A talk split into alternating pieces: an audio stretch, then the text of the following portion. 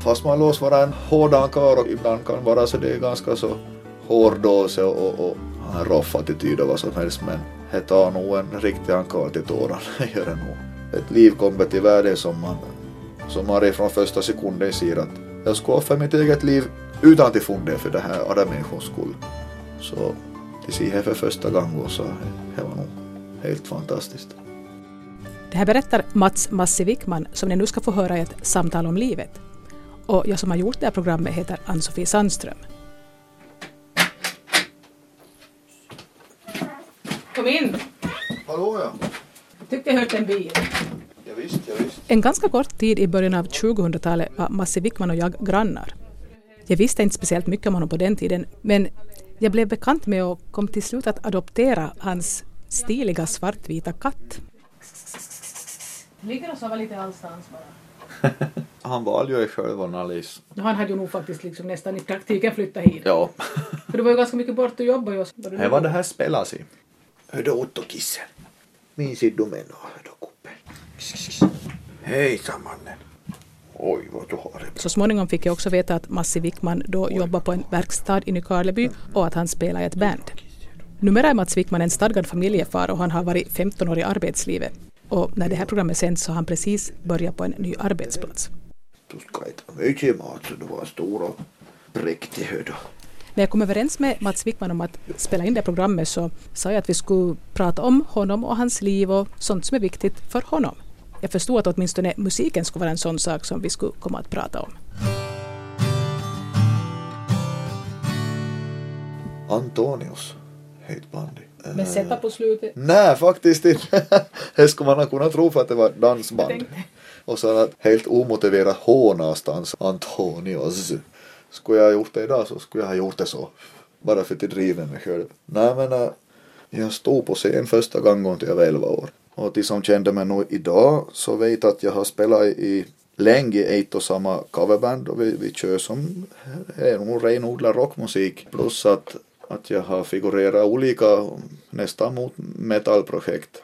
Så det är ju lite så det är lite skrattretande att jaha, han är en dansbandsmusiker som, som försöker vara en rock, rocklegend försöker han bli i lilla Nykarleby.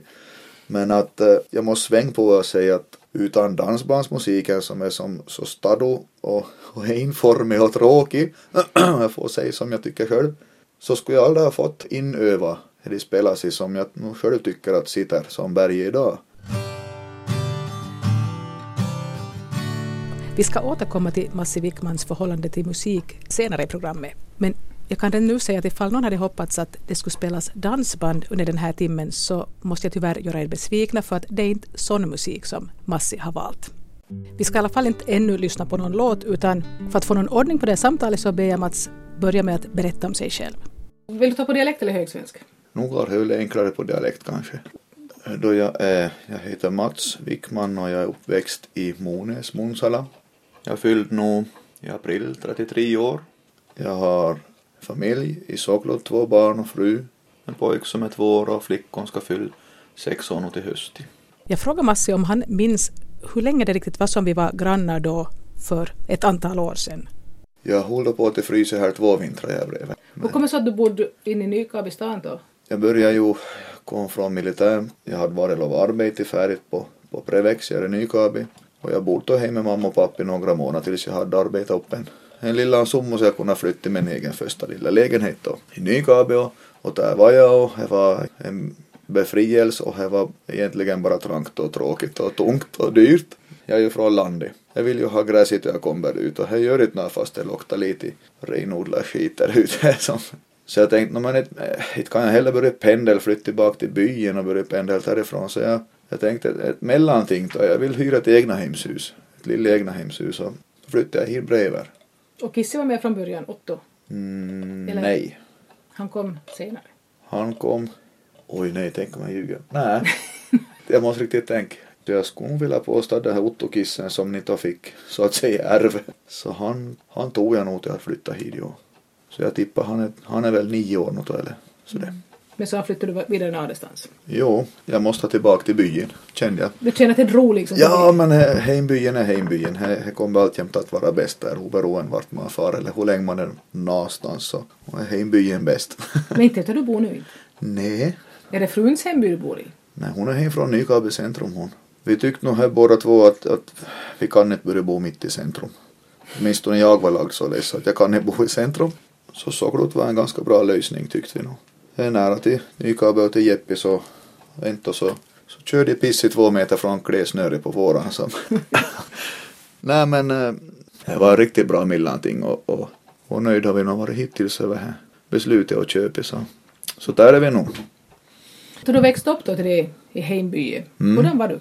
Det var ganska bra fart i mig. Kritvit i hår och full fräs och mycket ljud. Och, så var du det som gjorde massa hyss? Tog du lite Emil Lönneberga typ? Som ja, och jag var ju så fruktansvärt lik honom måste jag faktiskt erkänna själv att allt de gubban, muffas, brödren som, som bodde på, på samma backa som vi där, jag hade så kul åt mig, jag tyckte så om det. Jag, redan som fyraåring så flyttade jag ju in i traktorhytten. Hela sommaren satt jag där med en av dem. Traktorn gick varenda dag och där satt jag. Jag har de flesta och bästa minnen från att jag fick vara med till. Det var faktiskt kul. Och jag tyckte om att vara med och bonda så harvo, höjbal och allt möjligt vad vi håller på med. Mamma och pappa så, så slutade med mink och revfarm på, på 89, kanske det sista, allra sista foto på 1990. Precis före lamman. Vart det bortlagat för att de båda två hade, hade fått dagtidsjobb, skaffat åt sig. De tyckte att det var smartast att laga bort farmen då. Man var så himla bonde vid han. Så råkade jag sig att det kom det fruktansvärd lamato i samma turon så då var det något jag funderade på. Har du några syskon då? Vi har en stora syster Sofie som har, hon har gifta sig till Öja. Där bor hon. Tänkte du någon gång när du var lilla att du skulle själv börja med farmas eller jordbruket? Jo, det var ju enda som, som fanns i min värld ungefär. Man växte upp i en liten by. Det var ju ungefär som att traktorn och harvon, det var det som gav pengar. Jag förstod inte riktigt varför men det var antagligen så för det verkar ju klara sig folk. Och nu var jag och kört trucken i farmen och, och håller på fast jag var allt för lilla. jag skulle inte släppa egen pojke i samma ålder till köra truck men att... Hur gammal var du då? Ja, kanske jag började jag var sex sju år.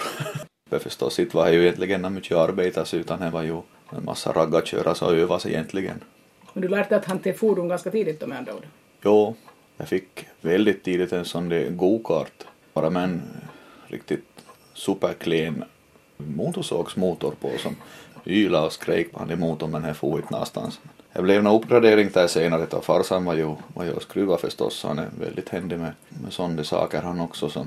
Och jag körde och körde och körde. Att jag skulle hela tiden köra förstås. Det vart ju som att ja men nu, nu, nu ska vi fara till farmen och göra att du får vara hem med systern din att vi är i farmen en timme eller två. Och då startar inte han det gokart. Nej, nej, nej, nej. Men nåja. Det gjorde i alla fall? Ja, och det var ganska svårt att smyga med för han, han gav ju såna otroliga spår i grus i. Men ja, det hände så många gånger att jag kört utan, utan uppsikt och föräldrar. Men, men du hade en syster som var, var hon alls lika intresserad av att vara i fordon som rört sig och sitta i traktorn och köra olika saker som, som hon kunde? Nej, det var hon aldrig riktigt. Hon var nog mer intresserad av att lite så det konstaktigt att hon är väldigt bra på att rita och, skriva och, och, och så läs hon. Det som är lite komiskt är ju att det var hon av oss två som, som lämnade med en bonde. så hon är bondmor Öja och, och ja, har nog ett namn av bonda så att göra något mer i världen. Inte har jag något emot det heller men det blev ju så. Hurdan var Mats Wickman när han började skolan då? Vi gick ju i Hirvlax i lågstadiet. Västra Munselas allby jag samlade med och Fortsatte du vara vild och hit på hyss då du kom till? Jag tror att äh, jag själv så, så fick, jag fick alltjämt skällorna. Och, och det, ju, det kan ju bero på nog att man var en stor del av det som hände. Att du var inblandad på något vis? Jo, var... men tillika så kan det nog vara också att jag, att jag själv upplevde att jag, att jag fick skällor i onödan och sådant också. Och, och emellanåt så ledde det till att jag att jag spelade över och, och skulle vara pajas och, och det ledde ju till att men jag har en svag en, det kan vi ju bråka med. Men eh, på senare år så har jag funderat med faktiskt var så ledsen att jag var riktigt huvudlöst mobba eller om jag, om jag själv bara var lite överkänslig eller om jag är en kombination av båda två, jag vet inte. Men, men än idag så upplever jag att jag, att jag var kanske aningen mobba. Fick aningen mycket stryk i skolan och så det.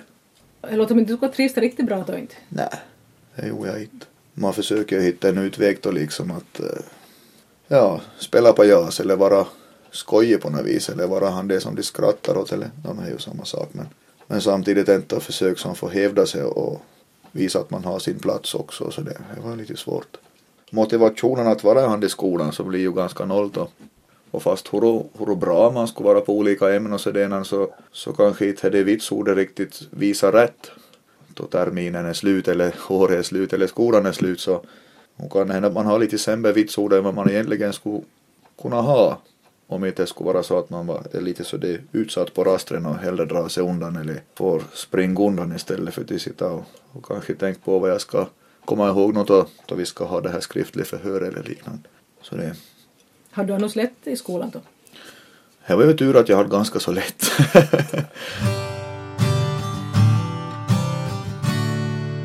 här är ett samtal om livet med Mats Massi Wickman och jag frågade honom hur musiken kom in i hans liv.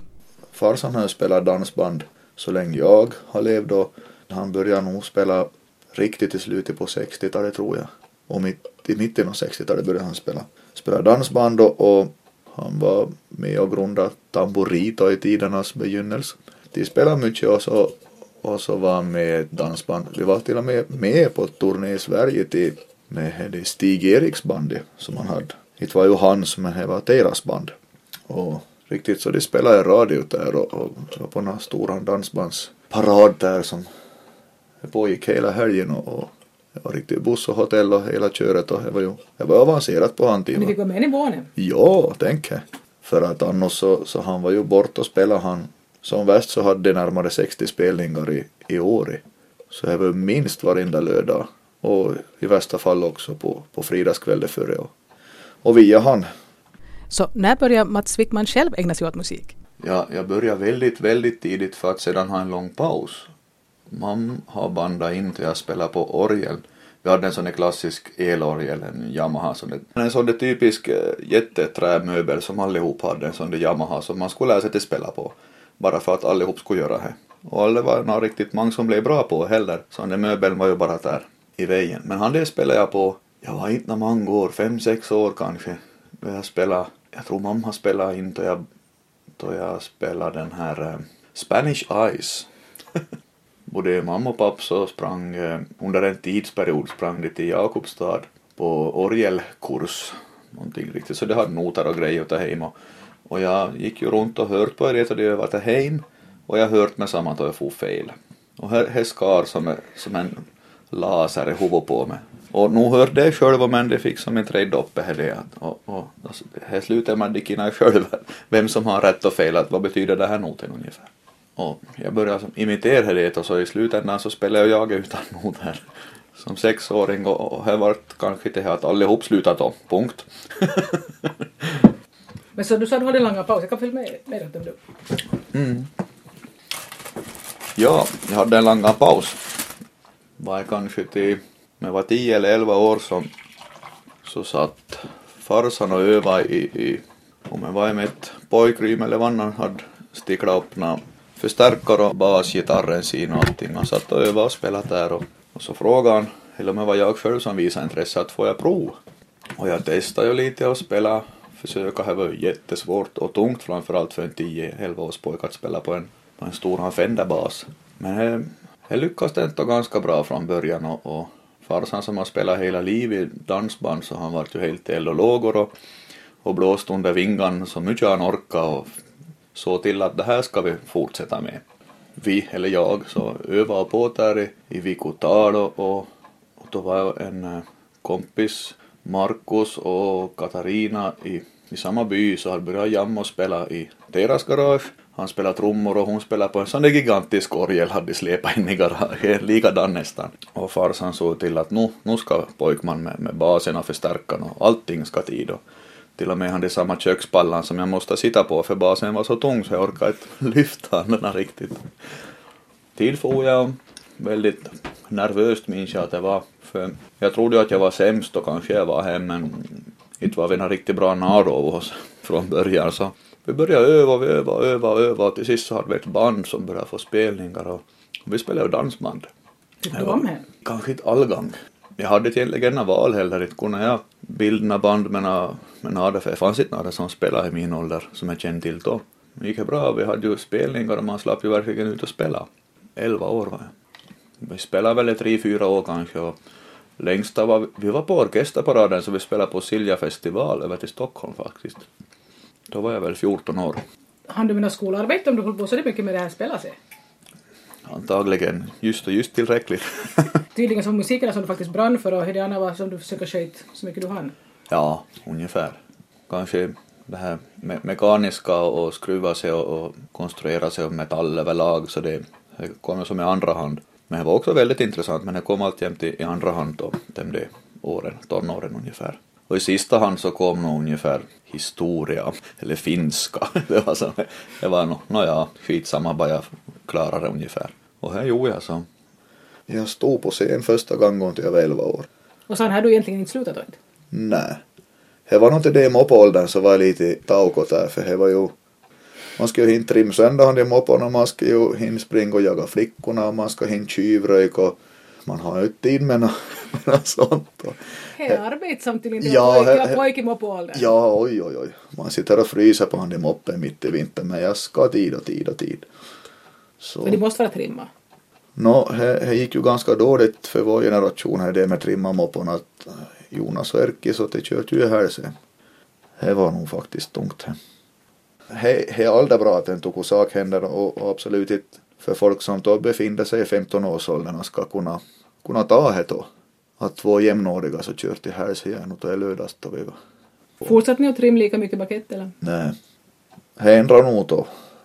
Men det gick ju till så det. Hon kört jag över hundra med moppen jag som alla hade. Ja, det visste inte mamma och pappa då. på 95. jag, är väldigt, jag är väldigt bra på att skruva och trimma mopeder eller bilar eller vad som helst men, men det tar riktigt fruktansvärt emot det. Jag, än idag att jag ser en, en, en moppo som jag ser att det är mopedbrickor på den här. Jag håller 80 och han kör om med moppen.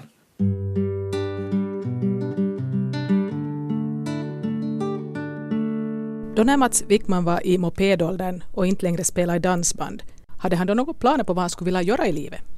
Jag hade inte några svårigheter att välja inriktning bak ett högstadiet vart jag skulle ta vägen. Det visste jag tvärt. För jag hade då redan i, lite hand i hand med farsan börjat renovera bilar och jag hade ju skruvat hem de moppan. Jag hade hur många moppar som helst. Än idag så ge en gammal, gammal tuntor i motor åt mig i så jag, jag kan plocka ihop den mitt i natten. Och, och det var ett väldigt, väldigt stort intresse för mig det och, och det var musiken och, och skruva sig och, och, och så det är så. Jag gick på sjuan, åttan så visste jag att okej, jag kommer med ur grundskolan så ska jag till yrkesskolan på maskin och metalllinjen. Det hade jag som mål och så blev det och det ångrar jag inte det minsta idag. Jag var så skoltrött så det var liksom inte sant. Så jag tänkte att ska jag fara till gymnasiet så får jag sitta tre år igen med bara teori. Att jag vill lära mig med händerna och, och arbeta med händerna och gymnasiet var alldeles som ett alternativ för mig. Så Mats Wickman utbildade sig till verkstadsmekaniker. Det är som jag har jobbat med nu i nästan 15 år och, och är intressant, tycker jag. Måste du flytta hit till huset bredvid där vi bor? Då jobbar du just väl på, är det Nykabi på namn? Prevex, ja, Just ja. på verkstaden där. Ja. Och fram till alldeles nyligen så jobbar Mats Wickman som verkstadschef på ett företag i Karleby. Jag var ju på Mirka ett och ett halvt år och så meddelade frun att nu ska vi få ett till barn här och jag kommer till vara hem med båda barnen, ett år eller två. Betyder ju, jag visste ju från tidigare hur jättemycket pengar man drar in då man, då man är hemma med barnen, som frun då skulle vara och som hon var. Och eh, nästan samtidigt där att jag funderade att vad ska vi göra nu då? Så då fick jag ett erbjudande från Kokkola och tid for jag, för jag var inte alls planerat eller någonting, jag trivdes jättebra på Mirka. Men eh, just då så, så värderade jag allting i pengar, just för att hon skulle vara hem. Så då blev det till att jag for till Kokkola och jobbade där. Det har medfört att jag har fått lära mig lite bättre finsk. Jag pratar enbart finsk på dagen. I ett och ett halvt år så då lär man nog sig. Jag frågar Massi varför han vill byta jobb nu då. Nu är barnen så inom citationstecken stor. Flickan börjar förskolan och pojken så han fortsätter ju på daghem. Och frun är tillbaka och jobbar fullt, fulltid. Så det är lite onödigt pendlas tycker jag. Ekonomiskt så är det bra, men äh, om jag har glömt att jag ska, att vi ska någonstans, eller att pojken har brutit benet eller vad som helst, så oberoende vad det gäller så tar det 40 minuter före jag är hem. Och det tycker jag är lite för, för länge. Så då började jag söka, söka andra jobb. Av en slump så hittade jag i Jakobstad en väldigt intressant tjänst som jag sökt och han fick jag. Och här började jag med 6 augusti. Är det inom samma bransch fortfarande? Det är nog mm, maskin och metall men, men vi blandar in lite VVS och teknik i också. Jag ska börja som koordinator för vuxenstuderande på Optima i Jakobstad. Med inriktning då på verkstad, maskin och metall, VVS. Det är ju branschbyte men inte inte branschbyte. Så att jo, det är spännande. Nu är jag ju närmare till Jakobstad. Om jag har 51 kilometer renväg idag så kommer jag till ha 16 kilometer renväg. Så.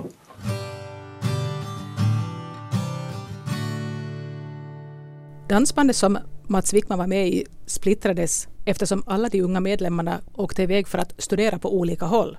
Det är nästan, jag är över 15 år sedan. Och under den tiden som jag, som jag gick i yrkesskolan så då spelade jag gärna annat än i pojkrummet egentligen.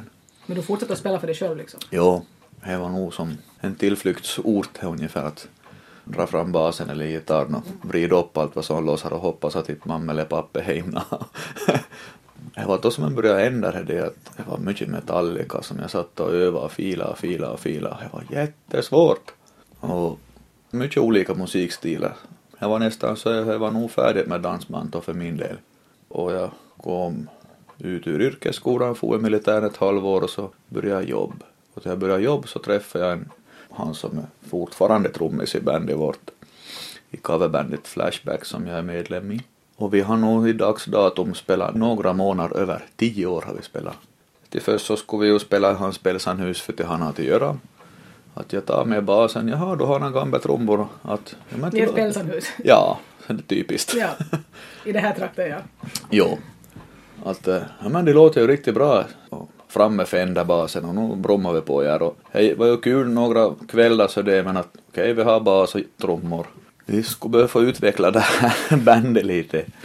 Och det utvecklas då. Vi har spelat ihop oss i tio års tid nu och jag tycker det sitter nog, det sitter bra. Det är väldigt bra terapi och, och det som började med att vi skulle, vi skulle spela för att han har inte göra så nu i sommar så ska vi spela, vi spelar i Fagerö och eh, så är vi på Jutbackamarknaden på fredag. Då lär vi braka på. Och Mats Wickman påpekar att det här coverbandet är faktiskt inget dansband. Vi har spelat på en del bröllop och, och är riktigt så det gränsfall bröllop. Om vi nu kallar oss till rockorkester då, vi spelar allt från 70-tals klassisk rock. Vi är nog nudda vid ACDC och Metallica att vi riktigt kört de sista kanonerna på slutet det en halv tre på, på natten då folk brukar vara riktigt på gång. Och ja, men vi, vi vill ha sån där rockig musik till vårt bröllop och, och det här. Men ni tar några valser till det i början då, för här ska vara brudvalser det. Och ja, här ska vara brudvalser och allting på ett bröllop. Men vi spelar inte några vals. Vi, vi gör inte det. Och väldigt många i vårt band, nästan alla, så är nog så inställda att vi är inte dansband. Och det kan ju medföra att man många gånger missar några spelningar men det är så då. Det är riktigt lagom tycker jag med spelningar som vi har. Att, vad kan vi ha? 8-10 per år ungefär, så det är lagom. Man hinner med allt annat och här vet vi ju att vi kommer inte vara superstjärnor med det här och vi försöker till lika hålla det på nivån att det är terapi och till vara och spela och för att det är roligt att spela. Men till lika inte vill man få köra till Närpes och vara där i 14 timmar för oss. För oss inte heller. Så, så här, här är en sån våg som man, som man har lite balanserar. Men inte kan jag nog påstå att det, att det är några pengar som man lever på överhuvudtaget. Som, som vi varken får lite, eller kräver. Nej, men ni får åtminstone lite ersättning för förlorad fritid och bensin. Ja, det är nog på han nivån. Förutom att Mats Massi Wickman har spelat i över tio år i coverbandet Flashback så är han sedan en tid tillbaka sångare i Jakobstadsbandet Chaos Crew som redan har funnits en tid och gett ut ett par skivor. Och jag ber honom försöka förklara vad det här är för sorts musik. Ja, om vi ska dra minnen nu då. Uh, det är ju inte dansband, det är ju inte detsamma som det covers som ni... Nej, det är industriell elektronisk heavy egentligen med finess, tycker jag. På den här skivan som, har, som vi har klar nu så det här eh, jag har skrivit texter till de flesta låtar på skivan och Uffe har nog lagat, liksom konstruerat de här låtarna väldigt långt. Har du att skriva texter till låtar, är det liksom någonting som du har någon gång hållit på med förr eller? Jo, men mest i smyg. Varför står i smyg redan Alice? Nå, jag kan föreställa mig att det känns nog ganska så genant att skriva en text och sitta med en akustisk gitarr och spela åt folk. Det skulle jag aldrig klara av. På det här sättet klarar jag av Jag får lägga på en skiva och boka ut där folk får höra på. Jag, jag behöver inte se reaktionerna. om det är bra eller dåligt, det får vara som jag vill. Men... Vad handlar texterna om då? Det är allt från eh, liksom skolskjutningar till eh, global uppvärmning och mobbning och hur pass vi håller på att förstöra den här planeten och, och etc. etc. Så det är inte hjärta och smärta liksom? Nej, nog bara smärta och skåda det i spegeln. och göra någonting åt det kanske? Ja, eller, och, och viss, vissa gånger så anspelar man på att det börjar vara för sent att reda upp det här som du har helt skrotat igenom. Skivan heter ju Corruption rules this world. De som vill får ta, ta åt sig bäst de vill, för det är meningen att de ska ta åt sig. Hur reagerade då Massi Wickman när han, förutom att han skulle bli sångare, blev ombedd att skriva texter? Jag var förstås väldigt taggad, yes. De vill att jag ska skriva texten och sjunga också. Yes, häftigt. Jag släpper lös nu och så skriver jag en text. Och jag mejlade han den texten åt, åt bandmedlemmarna och tänkte att ni får kommentera det här. Och inte var det som var negativt inställt till det. Och det var ändå ganska, så, om jag nu säger brutala texter. Inte är mycket svordomar eller liknande på den här skivan men, men åsikter är väldigt starka. Mats Wickman nämnde att när han slutade spela dansband och började ägna sig mer och mer åt att trimma mopeder så då var han också ute efter att jaga flickor. Så jag frågade om han redan i den åldern visste att han någon gång skulle vilja ha familj och barn.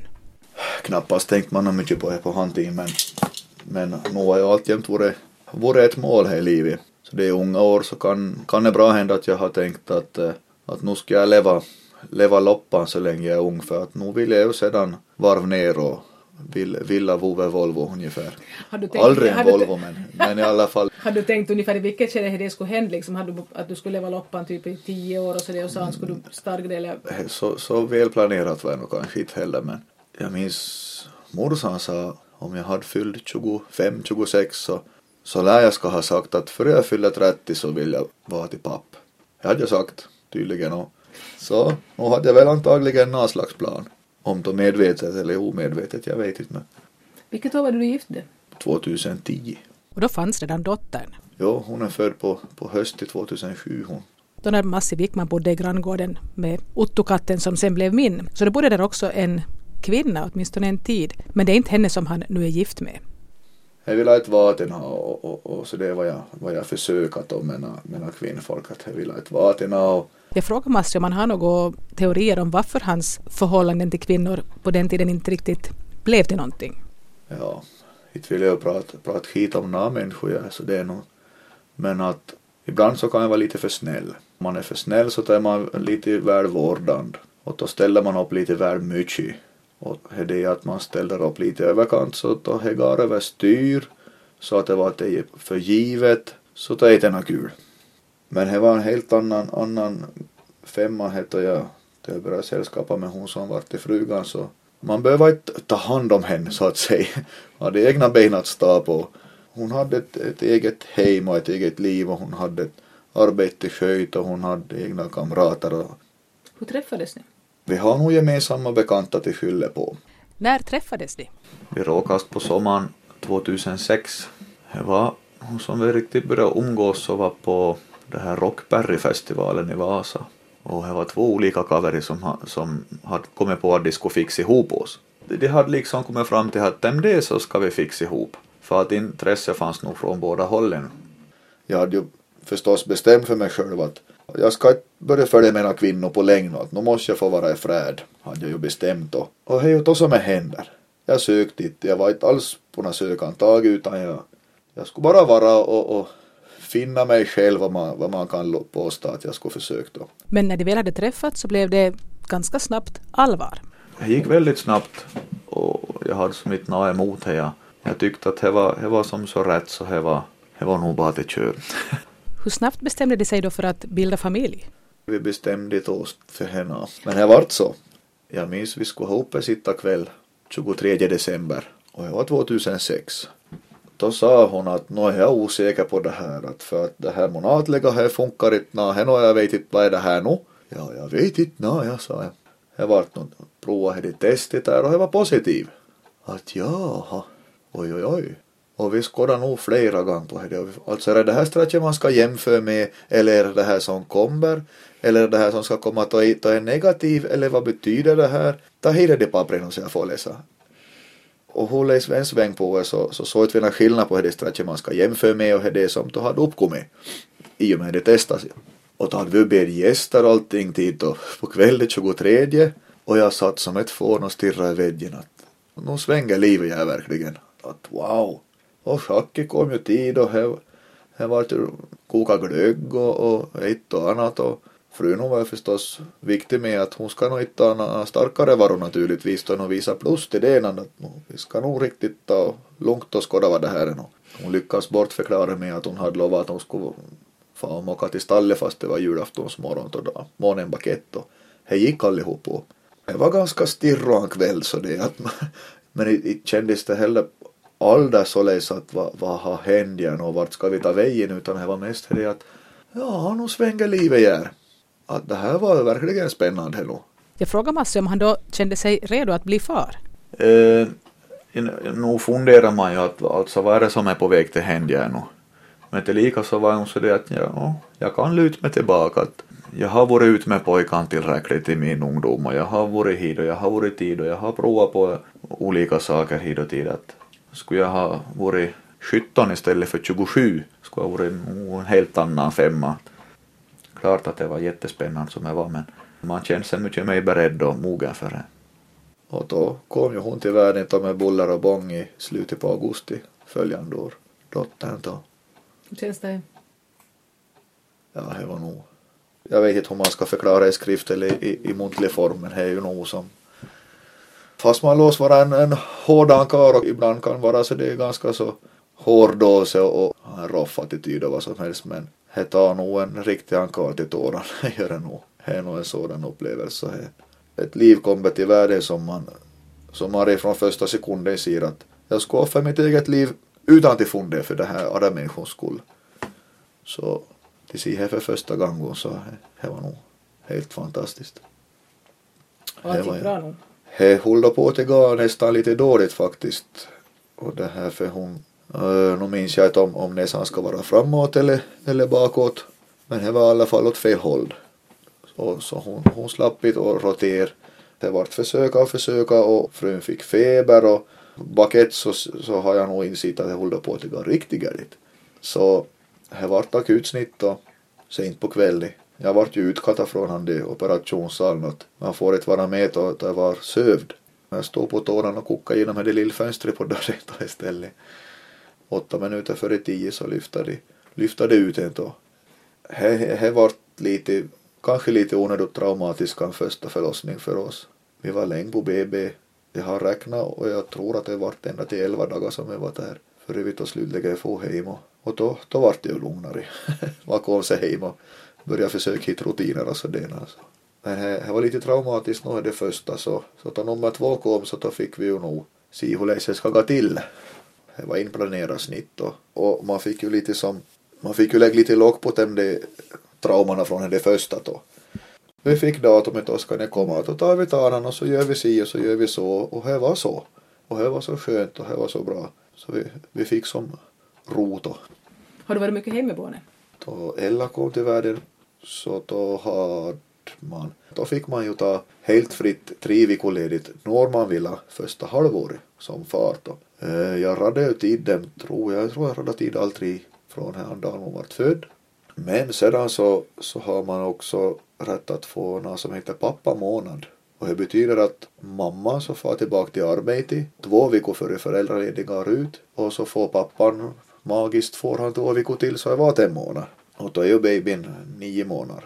Och, och det gjorde jag. Jag var hemma en månads tid med flickorna och frun for till arbete. Och det var väldigt nyttigt. Här. Speciellt för mig tror jag. Knappast så minns hon riktigt mycket av det. Hon var nio månader. Men, men för mig var det nyttigt faktiskt.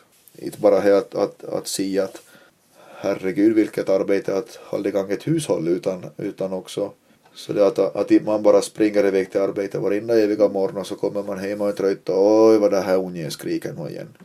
Jag fick ju en chans till att få väldigt bra kontakt med henne. Och det var bara jag där och, och emellanåt var det nästan otryggt att vara själv för man var ju så jätte jättevan att fick ju bara ringa att nå vad ska jag ge till efterrätt gärna då? Och för henne så var det en självklarhet hon hade gjort det då i åtta månader, nio månader så att alltså det är så. Hej kissen och kom då. Men du vill inte ha med den här månaden heller? Du skulle kunna, med nästa barn skulle du kunna ta, ni skulle kunna dela på och vara hälften och hälften om ni skulle vilja? Det skulle jag kunna ja. Har varit alla sådana.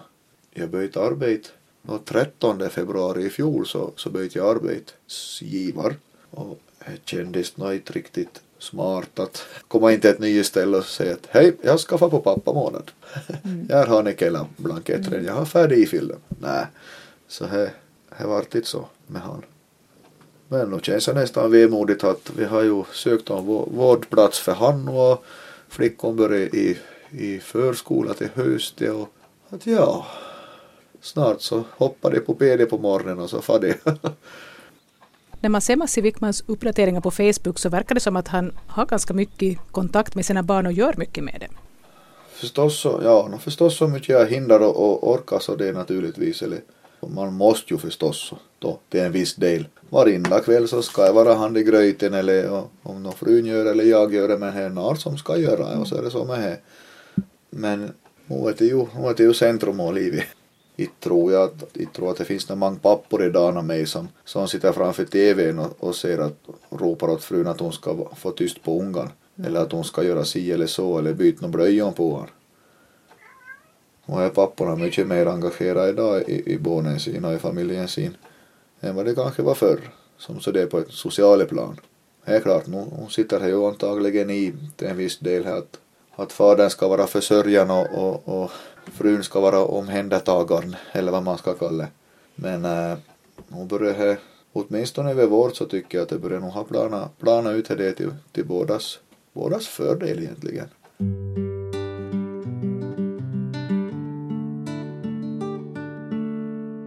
Fråga Mats Wickman vad han skulle säga att är den viktigaste omständigheten som har gjort honom till den person han är idag.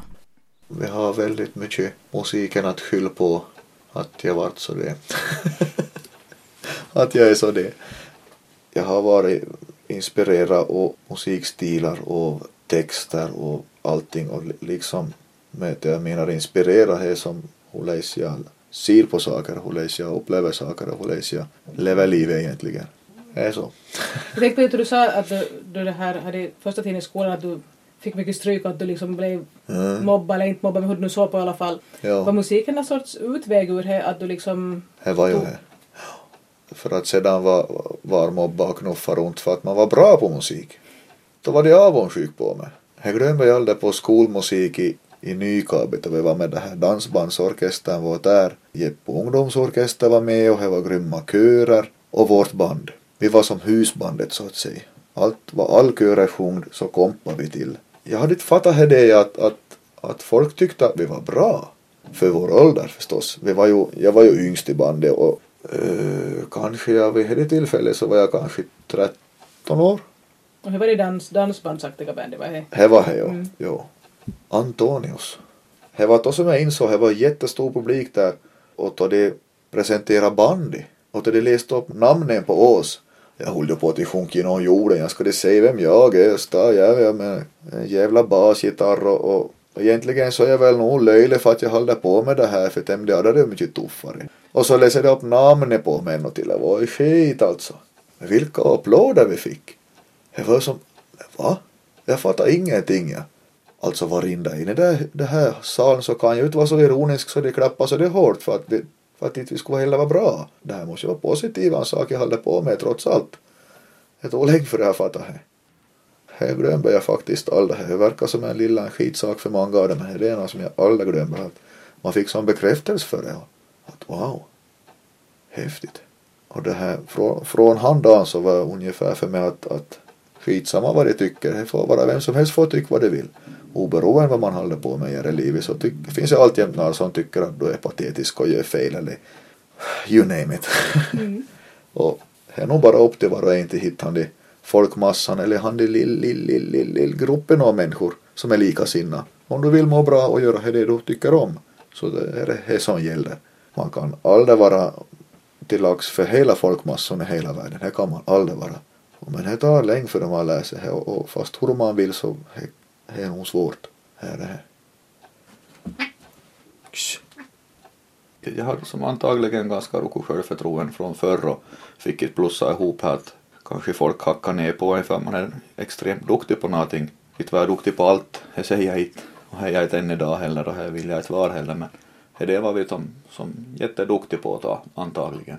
Och så hör det till att om någon är jättebra på någonting så måste ju kaveri eller folk omkring en haka ner på en för. Så man ska i misstag tro att man är någon. Och så gick det antagligen till ungefär. Mats Wickman nämnde att han som ung hade dåligt självförtroende. Så jag frågar om han har någon aning om varifrån det där kom? Mm. Nej, alltså. Nu har jag hela tiden, hela tiden, stor del av uppväxten så har jag, har jag fått, fått vara med om lite mobbing hit och dit så det men, men äh, på senare tid så jag funderat på det så har jag tänkt att största delen är antagligen för att jag tog åt mig så fruktansvärt. Och hur gör jag än idag? Att många saker som kan flyta förbi och utan att jag bryr mig eller ork vara arg över små saker men, men då då jag tar åt mig så tar jag åt mig så fruktansvärt. Då blir jag riktigt sur och lejd och arg på saker eller personer eller vad som än har orsakat Och då till det tidigt så, så jag tror jag tog åt mig så fruktansvärt hårt och det var ju jättekul för de som, de som lite försöker boka och bråk, antagligen boka och bråka med allihop. Men si, han det tar åt sig så fruktansvärt. Så till stor del tror jag att det var mitt eget fel att jag skapade han det rundgången att han det tar åt sig, då ska vi bråka med honom. Vem ska vi bråka med? Vi tar han det som tar åt sig. Inte var jag som nödvändigtvis att jag var någon sämre Men jag tog åt mig. Fruktansvärt. Klart man försöker säga det sluta eller så det antagligen. Det här är ju jättelänge sedan och inte något som jag grubblar på mer i världen. Nej men du sa att du eh, fortfarande ibland kan ta åt dig mycket att du, om jo, du tar åt dig. Inte att ja. du alltid gör det men att du gör det så tar du Ja, kanske alldeles förglömt, eller helt säkert alldeles förglömt tar jag åt mig och jag tar åt mig. Så, men brukar du försöka, nu då du är fullväxt, reda upp med till människorna som har sagt eller gjort något som du har blivit lejd över eller? Jo, är det så att jag var riktigt som lejd någonting eller så det är så nog, jag konfronterar nog en person mm. och mig så det betyder att jag har inom situationstecken rätt om en sak. Så det är nödvändigtvis men, men jag brukar nog säga till istället för att jag ska sitta där hemma och gnälla och fundera på det så kan jag lika bra konfrontera folk. Vi pratar vidare och Mats Wickman tar upp en annan händelse som också i viss mån har format honom. Det formar ju ganska många av min generation då, då Jonas och Erkki körde här sen med, med moppar. Allihop körde med extremt trimma moppar och, och nu var det en olycka som, som väntade på att ske hela tiden. Och det här tragiskt nog så, så strök de ju med båda två. Det var ju nog en sån det allt för dyr lärpeng för många av oss. Jag har nog väldigt svårt att förstå och acceptera det. Det tog många år för jag fattade liksom vad som hade hänt. Hon visste ju att de var bort, inte var jag på hemmen. Det var faktiskt en sån del, en lilla vändpunkt så att säga, en lilla sak här att folk går och dör bort men att åtminstone en, en ganska stor slalompinne i den här uppväxten faktiskt. Man fick ju en liten susning om att man inte är odödlig fast man är en tonåring. Att man, man åtminstone under en tidsperiod fattar att man ska liksom sietna lite. Jag tycker fortfarande om att köra hårt. Jag tycker om saker som är, som är vilda och häftiga och, och allting. Det är ju på här att jag tyckte att det var hemskt mitt i allt men äh, att man nog lite ser rätt att ha säkerhetsanordningar i skick och framförallt lampor i skick. Skulle, man, skulle jag nå det man hade i skick, lampor, så skulle jag antagligen ha slutat lyckligare. Så var ju utfallet då. Då kommer du att vara hård med det här då du, barn var så stor att du vill börja ha apparater som de kan köra hårt med?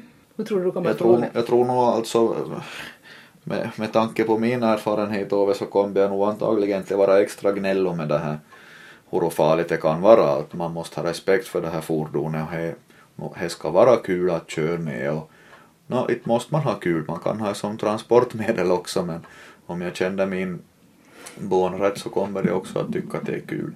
Ja, säkerheten först och klara knoppen och, och allting. Man är bara att kör. Och, och det här leta, leta ödet bestäms an. Man kan inte vara heller till 110 procent övervakad men att med de bästa förutsättningar måste man släppa iväg den. Hur ser Mats Wickman på framtiden då med arbete, familj och olika musikprojekt? Jag hoppas att det planar ut. Det är väldigt mycket saker på gång just nu. Hela augusti är är keikkor och spelningar. Vi ska ha bandat in en musikvideo och jag ska börja på nytt jobb och ungan tar ordentligt mycket tid. Och det är väldigt extremt just nu med allting. Så jag hoppas att det börjar plana ut. nu tror jag att det gör det framöver så det Jag antar att du inte vill välja bort någonting heller, att, liksom att du vill lämna bort musiken heller antar jag, för att det verkar vara så Ja, Liksom- nej. Viktig del av... Nej, inte vill jag hem. Men det här, vi ska skåda. Vi tror jag att jag måste välja bort något, men att det planar ut, det vill jag att det ska göra. Vara lugnare på, på alla håll så att säga. Ni har hört Mats Massi Wickman från Karleby i ett samtal om livet. Mitt namn är Ann-Sofie Sandström.